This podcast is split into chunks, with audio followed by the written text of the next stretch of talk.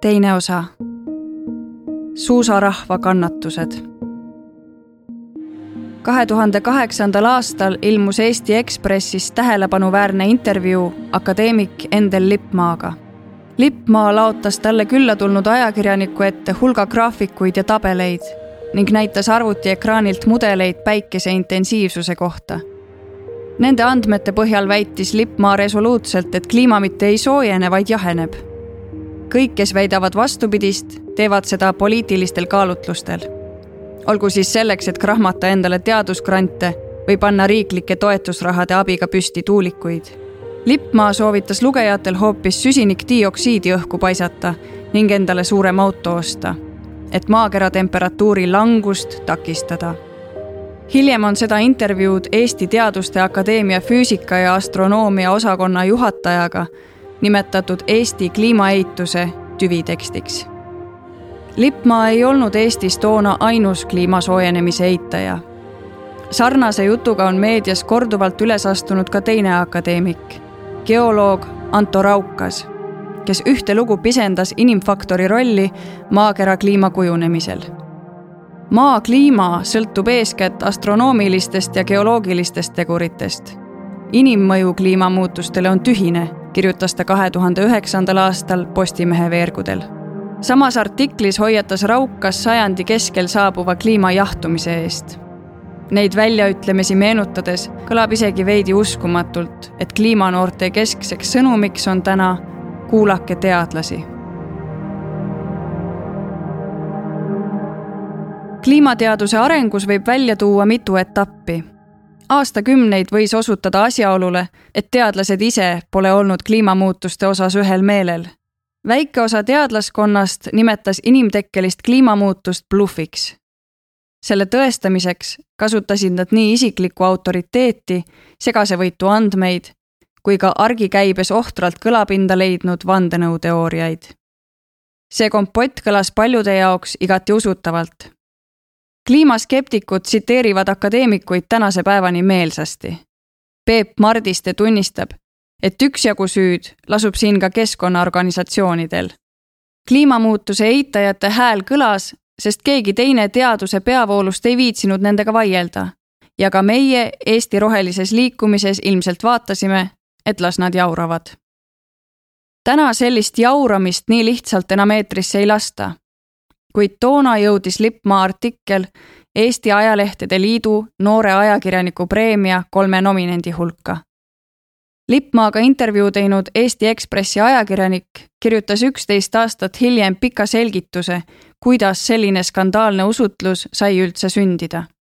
üks põhjusi, ajad olid lihtsalt teised ajakirjanduselt oodati sensatsiooni, irooniat, vormieksperimente, elu eheduse kajastamist analüüsivõime, tõsiseltvõetavus ja faktitäpsus olid kohati teisejärgulised väärtused. samamoodi oli teisejärguline kliimamuutused teemana. sellest kirjutati vähe ja veel vähem leidus selle kohta tuumakaid käsitlusi. oluliselt paremaks muutus Eesti meediapilt kahe tuhande üheksateistkümnenda aasta septembris, kui Eesti Päevaleht käivitas oma keskkonnakülje esialgu oli see isegi spetsiifilisemalt nimetatud kliimarubriigiks ning selle algatamist põhjendati lugejale sooviga pakkuda aina kuumenevas kliimadebatis argumenteeritud ja faktipõhist infot. kaudselt võib rubriigi loomist pidada FFF-i noorte teeneks. pärast märtsis peetud esimest Eesti kliimastreiki figureerisid kliimanoored äkitselt igal pool kes avas Tallinn Music Weeki, kes oli kutsutud debateerima esimesse stuudiosse, kelle juures käis oma kaameratega pealtnägija, kes kõneles raadios, kes presidendiga arvamusfestivalil. kliimanoortele pakuti lahkelt poodiumi, et nad saaksid selgitada, miks nad reedeti koolis ei käi või mida nad mõtlevad plakatitele kirjutatud loosungitega. noored sõnumitoojatena muutsid kliimakriisi meediale huvipakkuvaks Eesti Päevalehe näitel ei piirdunud ajakirjanikud ainult nunnude persoonilugudega alaealistest noortest. kliimaprotestijad andsid oma tegevusega argumendi ka neile ajakirjanikele, kes soovisid sügavuti keskkonnaprobleemidesse kaevuda. Leena tunnetuse põhjal on kliimamuutuste teema meediapildis iseenesestmõistetavana nüüd alati natuke kõige osa. see tähendab, järjest enam tajutakse igasuguse inimtegevuse keskkondlikku mõõdet. Ka Eesti Päevalehe keskkonnakülje lähtepunktiks on olnud selgitada lugejale, kuidas kliimamuutus meid kõiki puudutab. rubriigis on ilmunud lugusid põllumajandusest linnaplaneerimiseni kuigi keskkonnateemad imbuvad igasse eluvaldkonda, näeb rubriigi eest vastutav Anette Parksepp kurja vaeva, et teised toimetuse liikmed samuti külje valmimisse lugudega panustaksid. enamasti tuuakse keeldumisel vabanduseks, et valdkond tundub kole keeruline. Parksepp sellise põhjendusega ei lepi. minu arvates on vaja, et kõigil ajakirjanikel tekiks kompetents, soov ja huvi keskkonnateemade vastu sest varsti peame kõik sellest kirjutama hakkama. Parksepp lähtub kliimavaldkonna kajastamisel kolmest põhimõttest. kliimamuutus toimub, see on inimtekkeline ja selle vastu on tarvis midagi teha. Ta ütleb mulle, et nii mõnegi kommentaatori silmis on selline positsioon liialt võitlev. seepärast peab Parksepp kliimamuutustest kirjutamisel oma allikaid hoolikalt valima viidates sageli näiteks ÜRO egiidi all tegutseva valitsusvaheliste kliimamuutuste paneeli IPCC kahe tuhande kaheksateistkümnendal aastal avaldatud aruandele, mille suhtes eksisteerib lai rahvusvaheline konsensus. Lippmaa vaidleks viimasele väitele ilmselt vastu, sest kurikuulsas kliimaeituse tüvitekstis heidab ta IPCC-le ette võltsimist ja kliimateabega manipuleerimist demonstreerides seejuures oskust anomaalseid statistilisi numbreid rikkaliku folkloorse materjaliga ümbritseda. nimetatud kahe tuhande kaheksateistkümnenda aasta aruanne esindab tänaste teadmiste kontsentraati. just selle raporti pinnalt on paljud tänased kliimaaktivistid jõudnud tänavatele. IPCC ise uurimisega ei tegele Nende eesmärk ongi võtta valitsusjuhtide jaoks kokku kõige värskem kliimamuutuste alane teadmine, teha selle põhjal tulevikuprojektsioone ja anda poliitikasoovitusi. kolm aastat tagasi tõusid paljudel inimestel seda aruannet lugedes ihukarvad püsti. raport väitis, et juba praegu on maakera temperatuur industrialiseerumise algusega võrreldes tõusnud ühe kraadi võrra Pariisi kliimaleppega võtsid riigid kohustuse hoida temperatuuri tõusu kahe kraadi piires. ideaalis räägiti ühe koma viiest kraadist. aruanne andis detailse ülevaate, kuivõrd katastroofiline võib kõigest poolekraadine vahe olla. maailma meri tõuseks kaheksa sentimeetrit. iga-aastased soojalained oleksid kaks korda pikemad. veenappuse all kannatavate inimeste hulk suureneks rohkem kui saja miljoni võrra põlengualade pindala Lõuna-Euroopas suureneks viiskümmend protsenti. maisisaagikus langeks kaks korda. põhimõtteliselt kaoksid korallrahud maailma merest täielikult. rääkimata sadadesse triljonitesse ulatuvast majanduslikust kahjust ning ligi saja viiekümnest miljonist kliimapõgenikust, kes oleksid kahe tuhande viiekümnendal aastal sunnitud endale uut kodu otsima. üks teadlane kelle jaoks raportis esitatud andmed mõjusid äratuskellana, oli ökoloog Mihkel Kangur. eriti murelikuks tegi teda ökosüsteeme puudutav osa. ta toob näitena sellesama haihtumisohus korallrahu, mille suurimad asualad paiknevad Eestist tuhandete kilomeetrite kaugusel Okeaanias. tegemist on ökosüsteemiga, millest pärinev valk moodustab viiendiku meie toidulauast kliimamuutuste tõttu jääb keegi sellest lihtsalt ilma küsimus on, kes ja kuidas seda otsustab. IPCC raport kiirendas kanguri jaoks protsesse, mis olid alanud juba kuus aastat varem, pärast isaks saamist. kui talle anti võimalus haiglas sünnituse järel oma poega esmakordselt käte peal hoida, tabas teda nägemus. nägin, et mu laps on sõjas ning sõda käib loodusressursside pärast kõrge H-indeksiga teadusartikleid kirjutanud kangur jõudis ühtäkki arusaamisele, et teaduspublikatsioonid tema last lahinguväljast ei päästa. seni oli ta vaadanud ajakirjanduses arvamusartiklite kirjutamisele kõõrdi. see justkui polnud hinnatud teadlasele kohane tegevus. nüüd tundis ta suisa kohustust ühiskonnaga oma teadmisi jagada. ta asus ka omandama magistrikraadi pedagoogikas et aidata tulevastel õpetajatel paremini mõista ökosüsteemide toimimist. kui esialgu tundus, et kõige parem on ühiskonda muuta hariduse kaudu, siis IPCC raporti ilmumine viis kanguri otsaga poliitikasse. temast sai vast loodud elurikkuse erakonna peaministrikandidaat. aasta enne valimisi oli talle koitnud, et kell tiksub armutult lootsin, et jõuab peale kasvada uus generatsioon, kes saab maailmast paremini aru ning toimub kardinaalne muutus. me näeme kliimanoorte näol, et muutused on tulemas, kuid need pole hetkel ei piisavalt laiaulatuslikud ega sügavad, selgitab ta oma otsuse tagamaid. ta hoiatab, et inimkonnal on umbes järgmise kümnendi keskpaigani aega, et oluliselt vähendada kasvuhoonegaaside hulka ja taastada looduslikke ökosüsteeme seejärel võib alata suur segaduste aeg, mil maa ökosüsteem läheb üle uude seisundisse, mille puhul on kindlalt teada ainult see, et sellega kaasneb ulatuslik rahvastiku ümberpaiknemine. praegu inimkond sellel kursil pole. IPCC raportiga pandi paika ka teekaart tulevikuks. selle sõnum oli selge. kui me soovime maakera keskmist temperatuuri hoida eelnevalt mainitud kriitilise ühe koma viie kraadi juures siis peaksid õhku paisatud kasvuhoonegaasid igal aastal kuni aastani kaks tuhat kolmkümmend vähenema seitse koma kuus protsenti. kui möödunud anomaalne koroona-aasta välja arvata, siis alates Pariisi kliimaleppe sõlmimisest on süsihappegaaside heide globaalselt igal aastal hoopis kasvanud.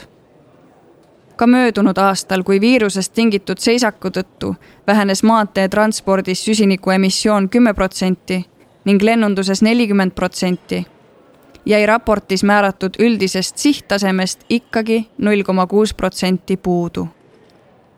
me peaksime sel aastal veel vähem lendama ja autoga sõitma, et võiks hakata üldse mõtlema võimalusele ühe koma viie kraadi kuumenemise graafikus püsida. ja need lennukilomeetrid peaksid samas mahus vähenema ka sellest järgmisel ja ülejärgmisel aastal kliimanoored ei salga, et ka neil on tugevaid kahtlusi kas inimkond suudab kliima soojenemist hoida ühe koma viie kraadi piires? nii mõnigi usub, et ka kaks kraadi on utoopiline väljavaade.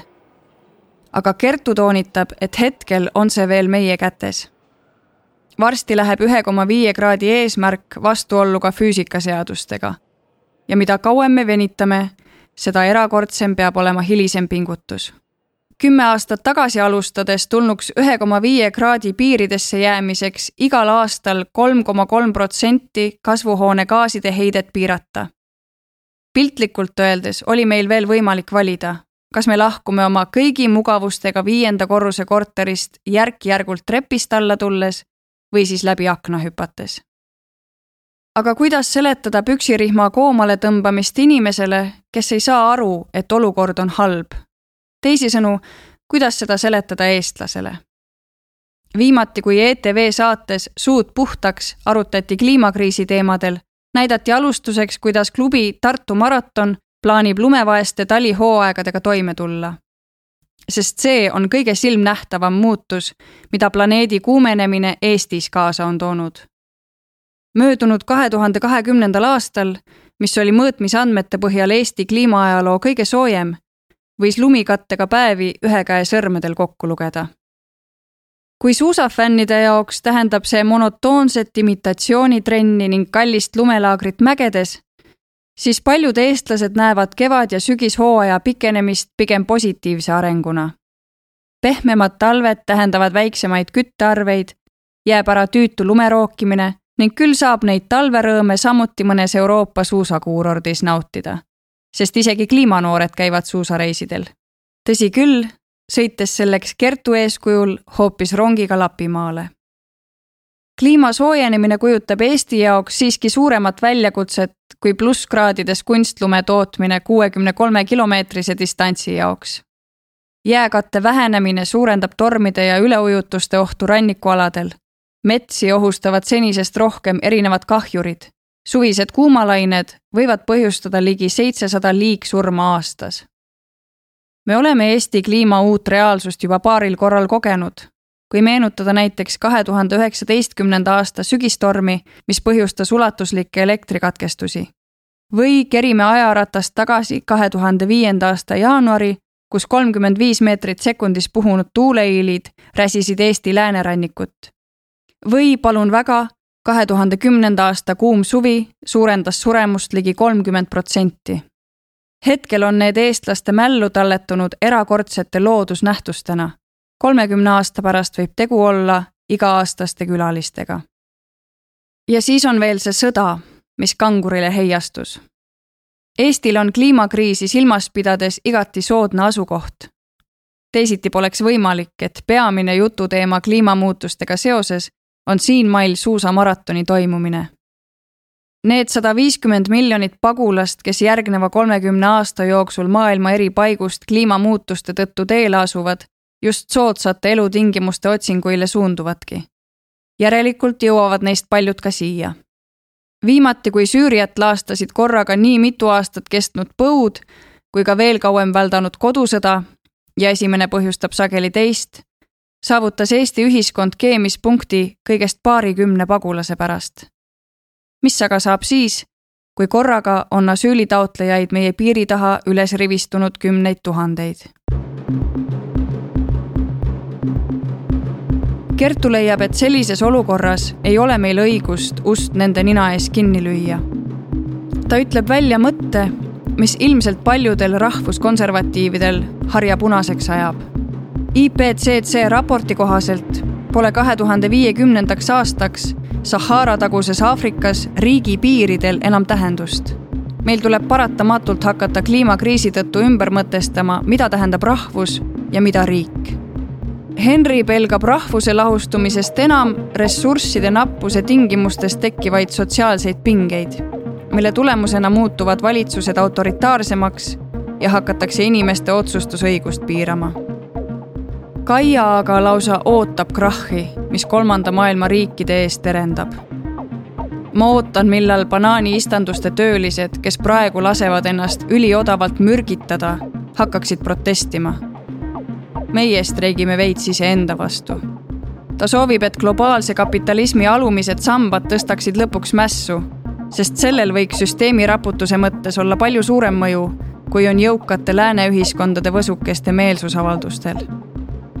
Kui inimkonna südametunnistus on kliimamuutuste põhjustamise koha pealt must, siis Eesti oma eraldi võttes on suisa süsimust numbritele külmalt otsa vaadates ei teki kahtlust Eesti on aastakümneid aidanud maailma kliimat kuumaks kütta.